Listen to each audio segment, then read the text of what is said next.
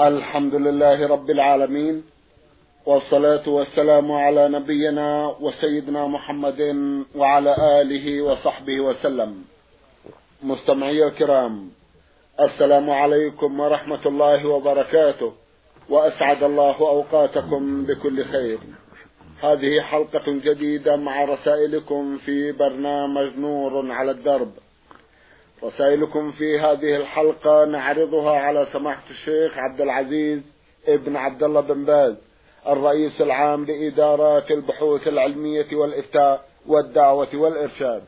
مع مطلع هذه الحلقة نرحب بسماحة الشيخ ونشكر له تفضله بإجابة السادة المستمعين فأهلا وسهلا بالشيخ عبد العزيز. حياكم الله وبارك حياكم الله. أولى رسائل هذه الحلقة رسالة وصلت إلى البرنامج من إحدى الأخوات المستمعات تقول أم محمد من المدينة المنورة.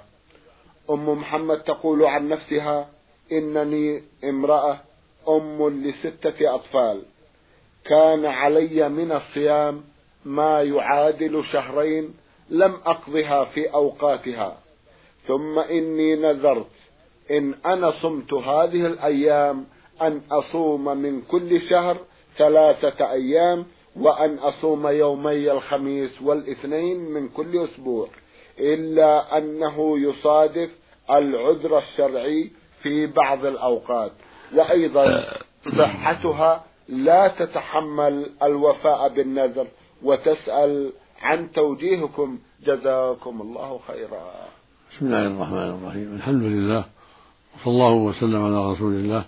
وعلى آله وأصحابه ومن اهتدى بهداه. أما بعد فإن الواجب على السائلة أن توفي بنذرها إذا حصل الشرط الذي قالت فإن عليها أن توفي بالنذر حسب الطاقة. وإذا عجزت عن ذلك وعن صيام رمضان لكبر سنها تطعم عن كل يوم مسكينا كما تطعم عن صيام رمضان. عن كل يوم مسكينا مع قدرة نصف صاع من قوت البلد من تمر أو غيره. أما ما دامت تستطيع فإنها تصوم ثلاثة أيام من كل شهر وتصوم الاثنين والخميس. في قول النبي صلى الله عليه وسلم في الحديث الصحيح من نذر أن يطيع الله فليطعه ومن نذر أن يعصي الله فلا يعصه. ولأن الله سبحانه مدح المؤمنين بالوفاء بالنذر فقال عز وجل يوفون بالنذر. ويخافون يوما كان شره مستطيرا. فالواجب على السائلة أن توفي أن توفي بنذرها لأنه نذر طاعة.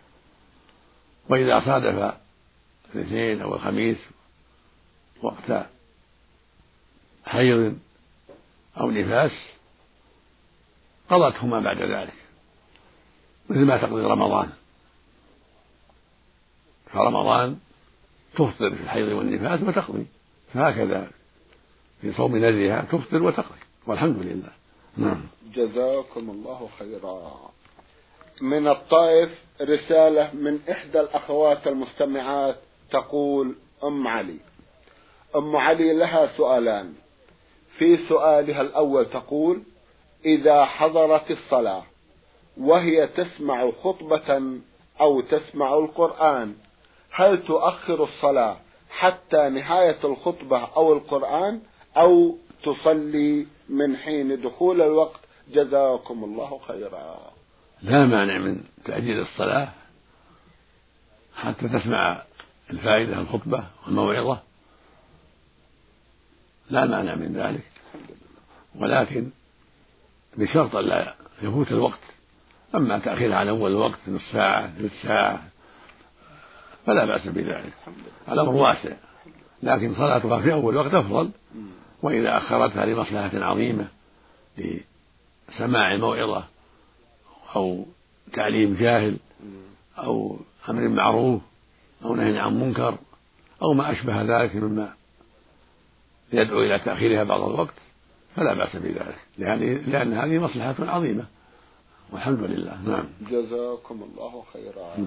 تسأل أختنا أيضا وتقول هل يجوز للمرأة أن تمسح رأسها من فوق الملابس التي على رأسها؟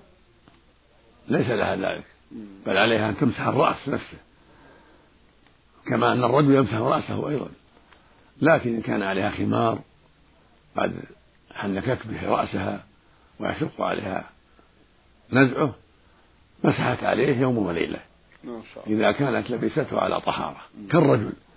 إذا لبس العمامة على طهارة يوما وليلة يمسح يوم وليلة بعد الحدث إذا كانت عمامة محنكة لأن حلها قد يشق بعض المشقة. وهكذا الخمار المحنك على المرأة الذي قد ضبطته وحنكته على رأسها ولبسته على طهارة فإنها لها أن تمسح يوما وليلة كالخفين كما تمسح الخفين يوم وليلة كالرجل. أما خمار مطروح على الرأس هكذا عادي فهذا لا يمسح عليه. يزال ويمسح على الرأس. أو إمامة لبستها على غير طهارة. لا تمسح عليها تزيلها. أو زاد على الوقت على يوم وليلة تزيلها. كالرجل سواء جزاكم الله خيرا. نعم. بعض أخواتنا الطبيبات والممرضات يرتدين ما يسمى لديهن بالتحديبة.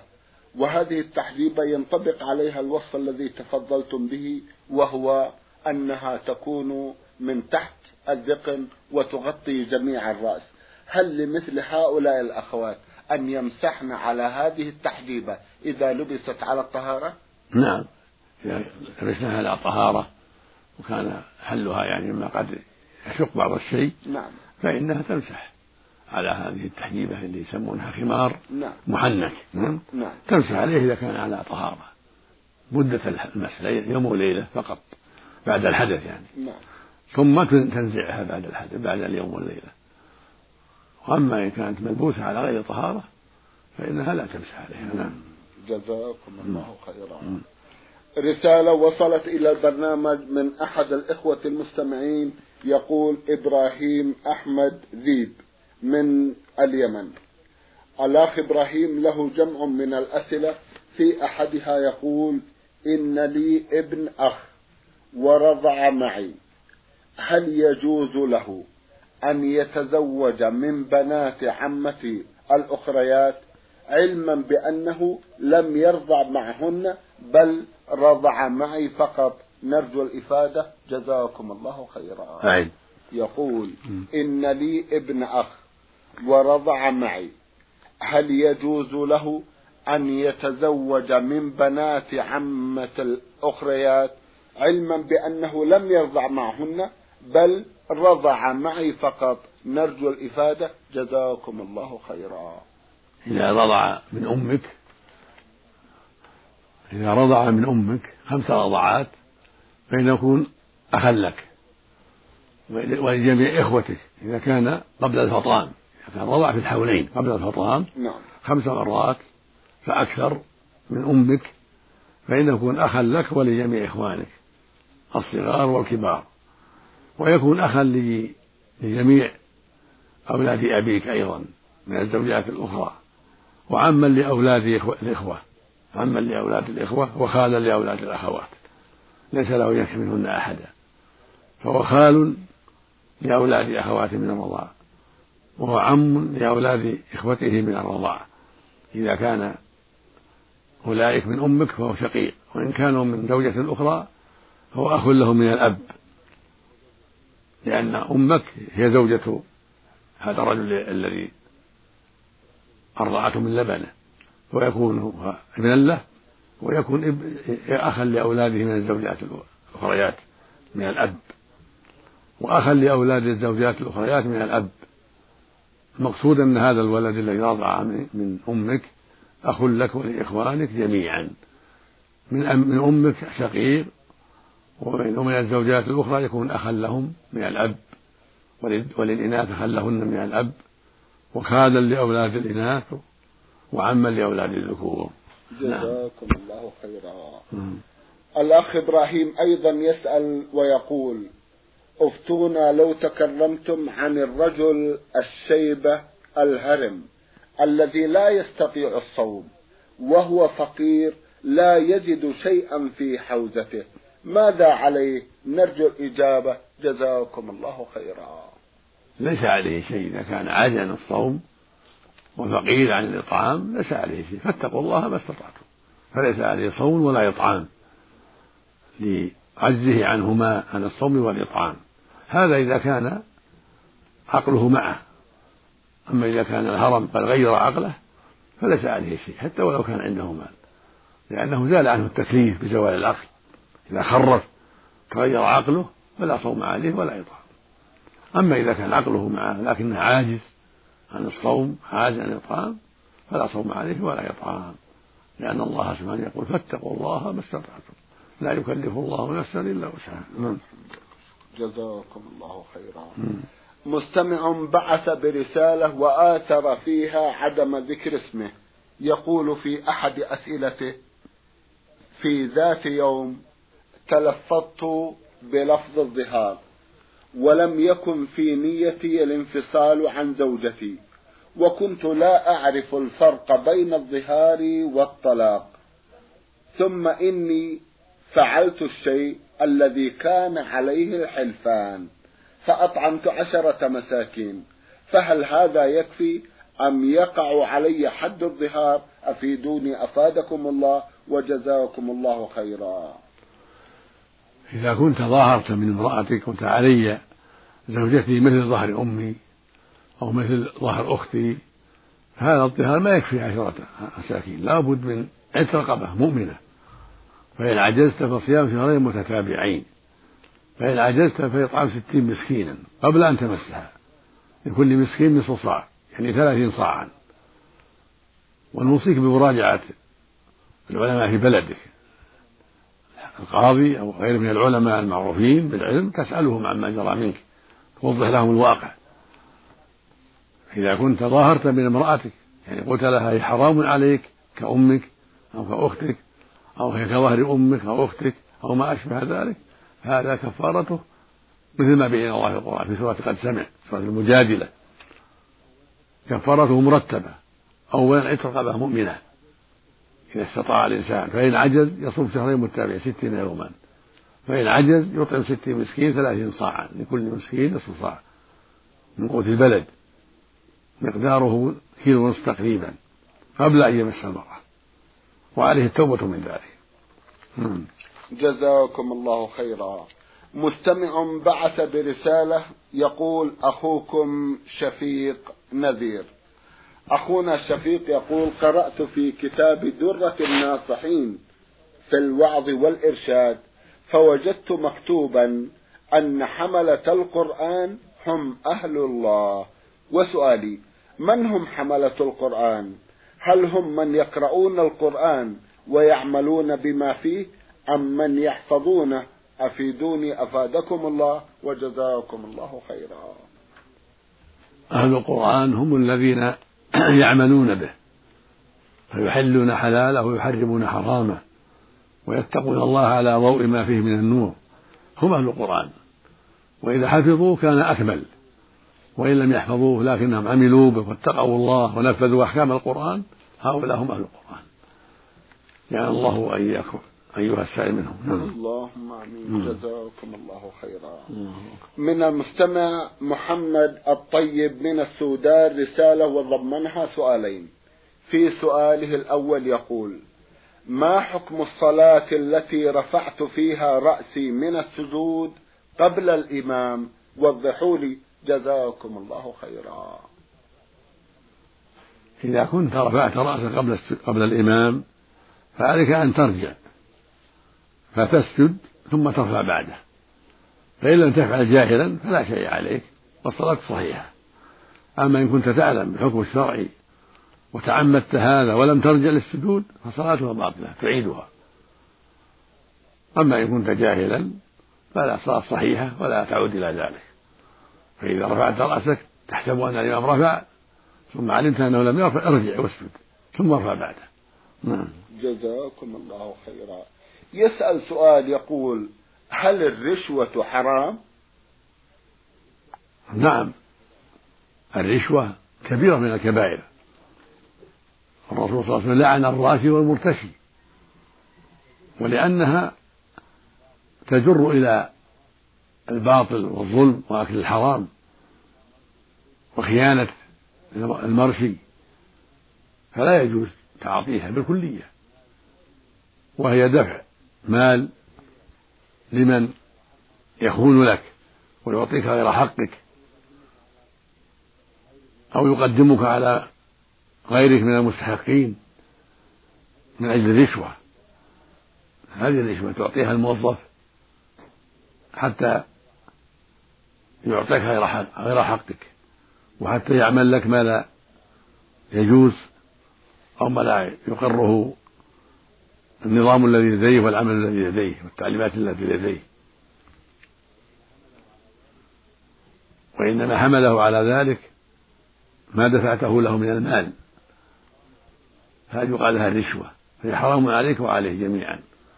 وفي هذا الحديث وفي الحديث اللعن. للراشي والمرتشي جميعا. وهكذا إذا أعطيته إياها يقدمك على الناس هم أحق منك بهذا الشيء الذي طلبت. ولكن قدمك عليهم من أجل الرشوة. هذا أيضا من المنكر نسأل الله السلامة. نعم. جزاكم الله خيرا. من صديق البرنامج كما وصف نفسه المستمع عين عين سين من ليبيا رسالة وضمنها جمعا من الأسئلة. في أحدها يقول عندنا في المسجد إمام وهذا الإمام يصلي بنا وهو سريع في صلاته وعند السجود يسبق اليدين قبل الركبتين ونحن مجموعة شباب نخالفه في سجوده فنسبق الركبتين قبل اليدين بدليل لا تشبهوا سجودكم بالبعير. فهل هذا السجود صحيح وجهونا مأجورين؟ جزاكم الله خيرا. سجودكم جميعا صحيح. سجوده صحيح وسجودكم صحيح والحمد لله. لكن الأفضل مثل ما فعلتم تقديم الركبتين على اليدين كما جاء في حديث وائل وغيره وهو موافق لحديث أبي هريرة الذي فيه النهي عن بروك بروك البعير. لأن بروك البعير يقدم يديه. فالسنة أن يقدم الركبتان أن تقدم الركبتان لأنهما في الرجلين قبل اليدين. وذهب بعض أهل العلم إلى تقديم اليدين قبل الركبتين لأن في حديث أبي هريرة رضي الله عنه وليضع يديه قبل ركبتيه وتأولوا ذلك على أن بروك البعير على ركبتيه وهما في يديه. فإذا قدم المصلي يديه فقد خالف البعير. وليس الأمر كذلك. الصحيح أن بروك الإنسان على يديه هو الذي يشبه البعير. ويخالف أول الحديث. لا يبرك كما يبرك البعير. ويخالف حديث وائل رأيت النبي صلى الله عليه وسلم إذا سجد وضع ركبتيه قبل يديه. هذا هو الأفضل وهذا هو الأشهر. ومن اعتقد ما دل ما دل عليه آخر حديث أبي هريرة وليضع يديه قبل ركبتيه من اعتقد هذا ووضع يديه قبل ركبتيه عن اجتهاد منه فلا حرج عليه. والله يغفر للجميع. لكن الأفضل هو تقديم الركبتين قبل اليدين. هذا هو الأرجح. وهذا هو الأفضل. ومن قدم يديه قبل ركبتيه معتقدا أن هذا هو الأفضل حسب اجتهاده وعلمه فلا شيء عليه.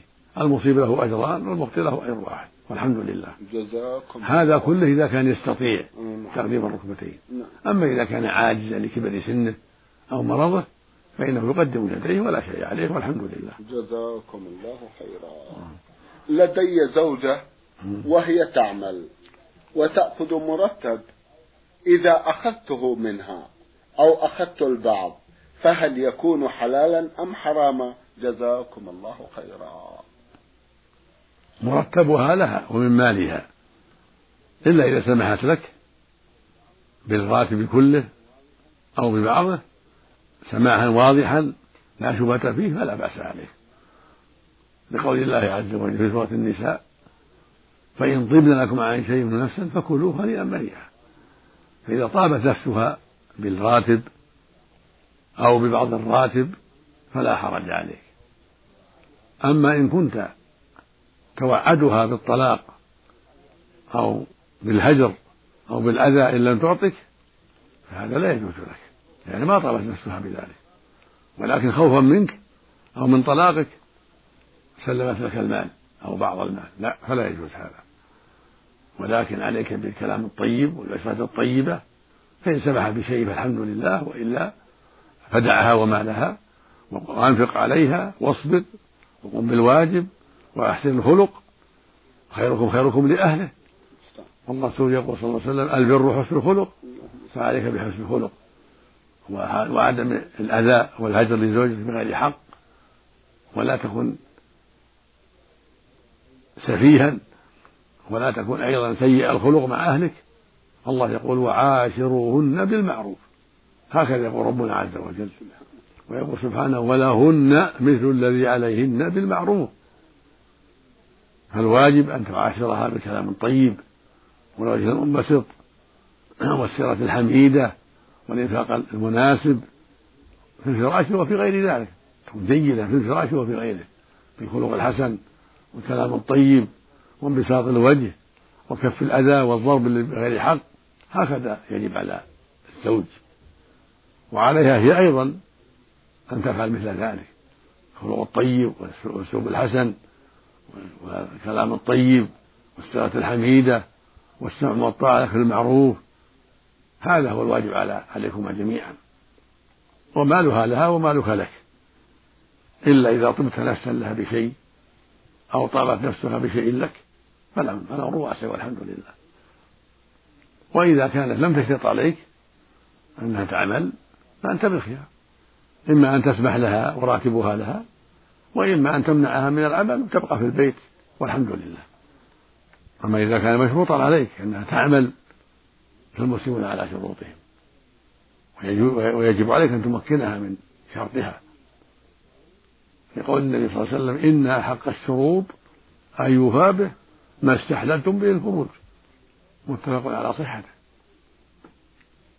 الواجب عليك تمكينها من أداء وظيفتها من تدريس أو غيره كما شرط عليك ومالها لها.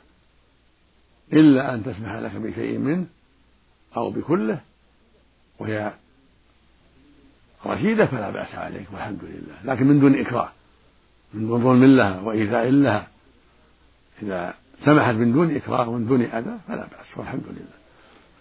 جزاكم الله خيرا وأحسن إليكم. هذا المستمع عين عين سين من ليبيا يسأل ويقول هل السجائر أي الدخان حرام أم حلال أم مكروه؟ جزاكم الله خيرا. الدخان فيه شر عظيم ومضار كثيرة على الصحة والمال وهو أيضا من المعاصي التي تغضب الله عز وجل فالواجب تركه. لما فيه من المضار الكثيرة. فهو إتلاف للمال بغير حق وإضاعة المال بغير حق وهو مضر بصحة العبد ولا يجوز له أن يضر بنفسه وأن يتعاطى ما يضره وقد وقد يخدره وقد يسكره في بعض الأحيان. إذا أخره كثيرا ثم تعاطاه قد يسخر به بعض الناس وقد يتخدر بعض الناس به فالمقصود أنه منكر وحرام ولا يجوز تعاطيه ولا بيعه ولا شراؤه لما فيه من مضار كثيرة. فعليك يا عبد الله أن تدعه وأن تحذره. وعلى كل مسلم يحذره. ولا يجوز لأحد أن يتعاطى بيعه لعن الناس وتوريده للناس. هذا منكر لا يجوز. وهو من التعاون على الإثم والعدوان. فنسأل الله لجميع الهداية. اللهم آمين. اللهم آمين. جزاكم الله خيرا. اللهم اهدنا فيمن هديت. عن ابنك سمحت الشيخ لو سمحت. الرسالة التالية رسالة وصلت إلى البرنامج من المستمع عين عين الأحمري من المنطقة الشرقية الدمام. أخونا يقول في رسالته في يوم جمعة أديت صلاة الجمعة. ومن ثم صلاة العصر جماعة. وبعد صلاة العصر نمت. وفي أثناء نومي احتلمت. وكان ذلك الوقت لا يوجد عندي ملابس حيث كنت في عملي الرسمي ولم أصلي المغرب والعشاء. وفي الساعة العاشرة مساء سلمت عملي وذهبت للمنزل واغتسلت وغيرت ملابسي وصليت الفروض التي لم أصلها. أفيدوني في ذلك؟ حيث أنني غير مرتاح لهذه الطريقة وهل علي شيء في ذلك؟ أفيدوني. جزاكم الله خيرا. الواجب عليك أن تغتسل وتصلي المغرب في وقتها في ملابسك لأن المني ليس بنجس وما أصابك من المني ليس بنجس. إنما يستحب غسله فقط. فالواجب عليك أن تصلي في الوقت. إذا وقع مثل هذا تغتسل وتصلي في الوقت ولا تؤجل من أجل المني ولا غيره. حتى لو كان بول. تغسل البول اللي أصابك أو النجاسة الأخرى تغسلها وتصلي في الوقت ولا تؤجل. أما ما فعلته فعليك التوبة من ذلك والحمد لله. لكن مستقبلا لا تفعل مثل هذا. متى احتلمت عصرا أو ضحى أو غير ذلك فالواجب عليك أن تغتسل حتى تصلي الصلاة في وقتها. وإذا كنت في محل ليس فيه ماء كالمسافر ما عنده ماء يتيمم ويصلي ولا يؤجل الصلاة إلى وقت آخر.